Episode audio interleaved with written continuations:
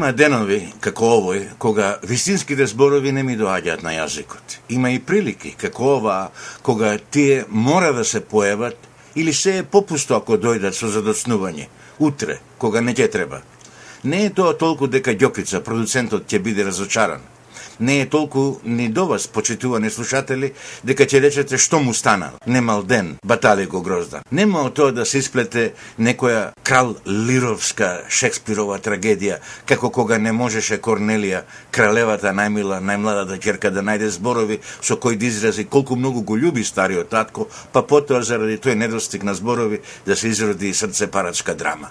Меѓутоа, минатиот понеделник бев напросто замелушавен од тој недостиг на зборови кај Љубе Бошковски, недостиг во вистинскиот момент кога сите те слушаат и тоа слушаат напнато тој лично да изнесе својата одбрана од обвинението на Карла Дел Понте. А тој молчи, нема зборови или нема волја да ги искаже. Мислам дека станува збор за последново. Гледам толку примери на отсутство на волја луѓето да се произнесат, да се искажат, да го крикнат она што го чувствуваат во себе. Било како голема радост, било како гнев. Мислам дека таа криза на комуницирањето со другиот, со обкружувањето, е дел од онаа ужасна крвава драма на Техничкиот универзитет во Вирџинија. Во ова време на најширока, најслободна комуникација, некој да се е смрт со шаржери куршуми, наместо да се користи со зборови. Не дека ги немал зборовите, во пораките што растроениот кореанец ги остави зад себе, тие зборови се намегдан бил расторен што некој, да речеме, некој рамчев од Борка или цвето од пивовара возел Мерцедес или БМВ, а тој во 19 до шутка. Па внук ми мој би му кажал на таков дека со тој изговор е злостор врапче да распердувиш, а камоли човек. 32 млади девојчиња и момчиња отидоа зиен заради тој недостиг негов на зборови или таа желба или таа или таа увереност дека комуникацијата да помога да се а, прочисти човек. Но, Ова е само повод да кажам колку безнадежно ми недостасуваат зборови за да го изразам чувството дека нешто опасно бабри во обштественоста. Мислам во ова глобално наше обкружување, не толку и не само македонското. Не станува збор за некој национален феномен, затоа што, еве како што видовме, американец од кореанско потекло меѓу 11.000 нему слични млади луѓе и пак не може да комуницира, и пак не сака да комуницира, или пак чувствува дека од комуникацијата нема никаква полза. На првите страници на печатот фотки на Бил Ладен по текст дека сега отворал франшизни Ал-Каеди по разни земји на светот се упаства како се прави Алка-едина организација, како се раководи со неа, како се поврзува, командува и како действува со терористички акти за некоја цел која нема врска со идеите или залагањата на Алкаеда. Значи, станува збор за обшт терор. Нема зборови, нема пораки, нема борба на мислења. Е, тоа е она што ме загрижува и тоа е она што ме прави малку несреќен. Мислам дека во сево ова доаѓа заради ароганцијата на моќните и на богатите. Смислата на зборовите напросто ја разјадува таа нивна ароганција, надменост која оди дотаму да не се ни обзрнуваат на она што го кажува народот. Примерите за таков однос се пластат еден врз друг од сите страни. Вчера, што се вели, оној Никола Саркози како министр за внатрешни работи ги нарече безработните млади луѓе од предградијата на индустријските центри на Франција ѓубре. А денеска тој истиот Саркози сака да им биде председател на тие млади луѓе што ги наречува ѓубре. Па тие тој што ги смета за така безвредни, запалија некој 10, 12, 13 илјади автомобили, кренаа безредија како револуција, а не цели две години потоа тој бара да ја води цела Франција некаде, според негова визија. За него Франција имала многу имигранти, дојденци од Дженемија, а татко му пак е роден унгарски авантурист, влезен во Франција да стане платеник во она озлогласена легија на странци и сега мајстор Саркози бил роден француз, а другите биле илегални имигранти дојдени од Рабат или од наш Радовиш. Пак тоа го нема никаде. Затоа луѓето протестираат, затоа ги палат аутата по Франција, како да се кибричиња. Мочните ќе ви ги извртуваат зборовите, ќе се прават удрени, недоветни и глуви во својата ароганција додека не дојде време на избори или додека не почне да се лее крв. Еве, погледајте ве молам што станува кај нас со фудбалот. Кој може сега да ги сопре тие неколкумина, колку и да се, кои што запнале да ја прекројат Фудбалската федерација на Македонија? Кој е тој? Да вистина се прашува. Кој и зошто зеде да го апси Лазе, генералниот секретар на нашата федерација, да му вади лански праски со дипломи и слични цаки за селјаки, што би рекол легендарниот унгарски тренер на Скопски Вардар Шпиц, да е жив. Дај да се разбереме. Јозеф Блатер од ФИФА и Мишел Платини од УЕФА не се како Хавер Солана или оној Оли Рен, па и јас да си играм Мајтап Сонев. Се сериозни луѓе и тоа научени да командуваат со еден збор. ФИФА и УЕФА се барем едно 20-30 пати помоќни од Европската Унија и кај нив нема трте мрте, што би рекле. Ќе ти плеснат една забрана, ќе ти ја дисквалификуваат Националната федерација, па после што? Ајде во аут. И заради кого? за некаков кој што сака да биде калиф на место калифот, не да ја направи некаква услуга на Македонската фудбалска федерација или на фудбалот, на спортот во целен. Еве, полека истечува по плането на Сончевава недела, овде е веќе поминато 8 часот на вечер, значи 20 часот, блескат звездата тонеки полека кој Атлантикот, а мене уште не ми доваѓаат оние вистински зборови. Одеднаш, нашите македонски теми им изгледаат некако недофатни за поврзување со големиве теми на Европа. Оној Столе Антов тврдоглаво продолжува да ја усвитува лустрацијата во Македонија како кој знае што да станува. Па тој беше прва виолина на марксизмот, а сега прв джелот на марксистите стана. Не е, е збор за доушниците. Удба беше само измекерска сила на партијата. Баш кај што сето тоа глупирање да се казнува за нешто што било нормално, отпосле е тотално илегално. Меѓутоа, сакам да кажам дека тој кавадарчанец да е случајно денеска овде, покрај мене, Јас сега би го однел среде развиканиот аз Амстердам да го прошетам ни сите аули на стариот универзитет среде градот. Пред малку се вратив од таму. Па тој ќе види дека веќе два дена на 200 метра од Кралската палата се одржува светски марксистички фестивал што го организира Социјалистичката интернационала.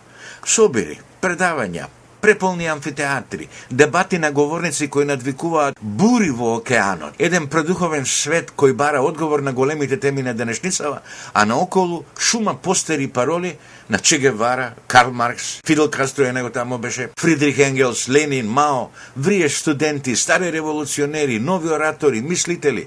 Само уште само првување неврзаност со Тито во маршалска униформа да видев и ќе беше комплет овој марксистички фестивал. А десницата, една жално мала група, не се осмели да надзре во универзитетот. Надвор се провртка и джаде си замина.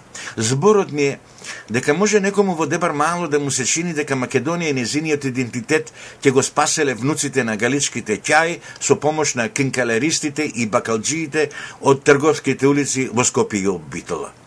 Ама не оди тоа така. Друго се бара денес во Европа. Поврзување со некои големи идеи за тоа како овој континент да, да се развива и како да се постави врз глобалната конкуренција. Е не погледате во Франција што станува. Е не Сеголен Ројал, кандидат на француските социјалисти и од денес на целата левица за председател на земјата. Нејзе во Тулуз, кај што ги прават оние чудни ербаси со спални, со библиотеки и со купатила внатре за да се капете и да уживате таму на 11.000 метри надморска височина. И таа на последниот предизборен митинг таму во Тулуз излезе пред своите симпатизери заедно со премиерот на Шпанија, сеньор Запатеро и самиот лидер на шпанските социјалисти. Значи, шпанецот дојде во Франција на кочоперните гали да им каже дека поарна од неа немаат, дека социјализмот е еднината на Европа дека капиталот е распомамен, дека осиромашувањето е неподносливо, дека правата на работниците мора да се заштитат, дека алчноста на менеджерите не може да се трпи повеќе. Ето така. И се држеа рака за рака со високо кренат поздрав како тупаница, а масата народ цел еден стадион ечеше се голем, се голем, се голем президент. Така се прават коалиции низ Европава некако старовремски, со митинзи, со директно учествување, со поврзување, со лично познанство со луѓето што ја движат оваа Европа некаде. Оние кои што исто така одлучуваат дали Македонија може да се приклучи во ова веќе малку расширено друштво од 20 земји или не може. Не дојде за патеро да тропа глупости за лустрација во Шпанија Или да кажува како тој во Шпанија, таму брка криминалци и, или се бори со корупцијата. Знаете за Запатеро го избра за премиер и за една недела човекот ги врати шпанските војничиња од Ирак дома, без многу пароли. Ајде деца, дојдите ваму да се бањате у Мајорка, да гледате фудбал во Барселона, а не да летате во воздух во Багдад. Денеска јавуваат дека во Италија, на вонредни конгреси во Рим и во Фиренца, неделава ќе се обединат во единствена демократска партија социјалистичките партии.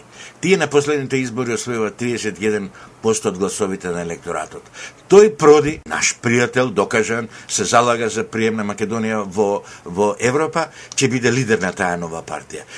Поентата ми е, не може без таков личен контакт, без да се мешаат нагите, нашите луѓе со, со тие сили, со тие движења кои што сега ја определуваат Европа да очекуваме дека кој нешто ќе се смени. И така, верувате ми на збор, со локални, недоквакани илустрации, ние не може да добиеме легитимност во Европа. Сака да не забележат со нешто посебно овде, некој професорски наш тим, еве да речеме Камбовски, Китановски, Поповски, како тројка во напад. Нека изведат формула, нека ја раздробат низ Македонија таа формула убаво и нека и понудат на Европа една македонска идеја како да се обедини Европа околу некаков нов устав. Тоа да смисли Македонија треба за да биде откриена, така да кажам, како земја која гледа некако по сериозно кон утрешнината а не столе со смрдена идеја за божен бркање кодеш вештерки како легитимација за Европа.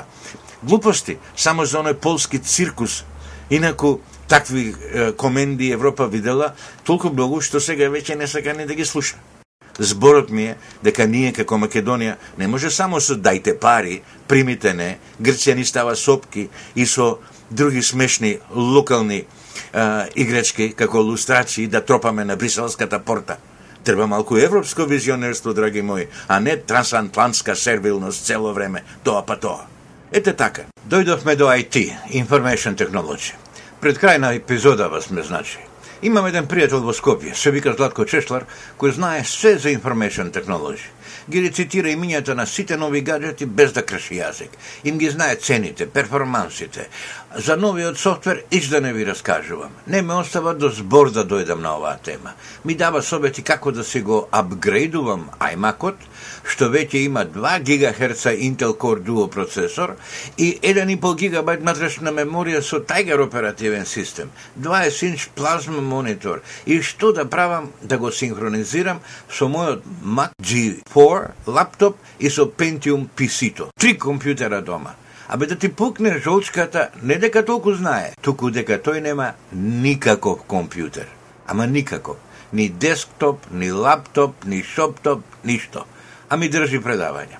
Ова го раскажувам за да предлачам дека вака опремен сепак се израдував кога видов дека една фирма www.logmein.com извадила софтвер бесплатен со кој можете од каде и да сте да се логирате во својот десктоп компјутер оставен дома и кога сте некаде на излет или кај роднини некаде во Битола ли, во Радовиш ли, во Струмица, на одмор кога сте во некој хотел, да не зборувам, кој ќе влезете во некој капуле и така натаму, да се логирате во својот оставен дома десктоп компјутер и да си ја проверите електронската пошта далеку, да се симнете со копи-пейст некој файл, да си го довлечкате во Охрид тој файл, или ако сте дури таму некаде, и во Оклахома. Што ви треба да си земете и да си го донесете. Мислам дека оваа згоѓа е царство ако немате лаптоп или не сакате да го влечкате со себе на 2-3 дена излет или на патување до Битола, по планини и така натаму. Сега Еден може би голем број од вас знаат за оваа работа, но мене ми е да знаат сите и да можат да се користат со оваа придобивка. Може да ви е компјутерот семен во кој хардискот е подарен на неколку корисници и знаејќи ги нашите финансиски прилики, не може за секој файл или за малку секој да има компјутер. Вака со ова www.logmein заедно.com Каде и да сте, имате достап до сите своји фајлови сосема бесплатно. Ако сакате да правите со нив некои истории, да синхронизирате, да ги ползувате, да ги симнувате, дали се тоа музика, фотки и така натаму, ќе ви треба професионална верзија која чини па бога ми едно стотина евра годишно, но јас не верувам дека ви е необходна. Во секој случај, сакав да ви предочам на една фина, бесплатна софтверска погодност. Па вие како што милувате. Сакате ползувајте ја, сакате не. Ете, Волку беше за денес со присобрани зборови од лево од десно, а помалку и од а, широкиот веб. Гроздан Попов ве поздравува од Амстердам до идното слушање.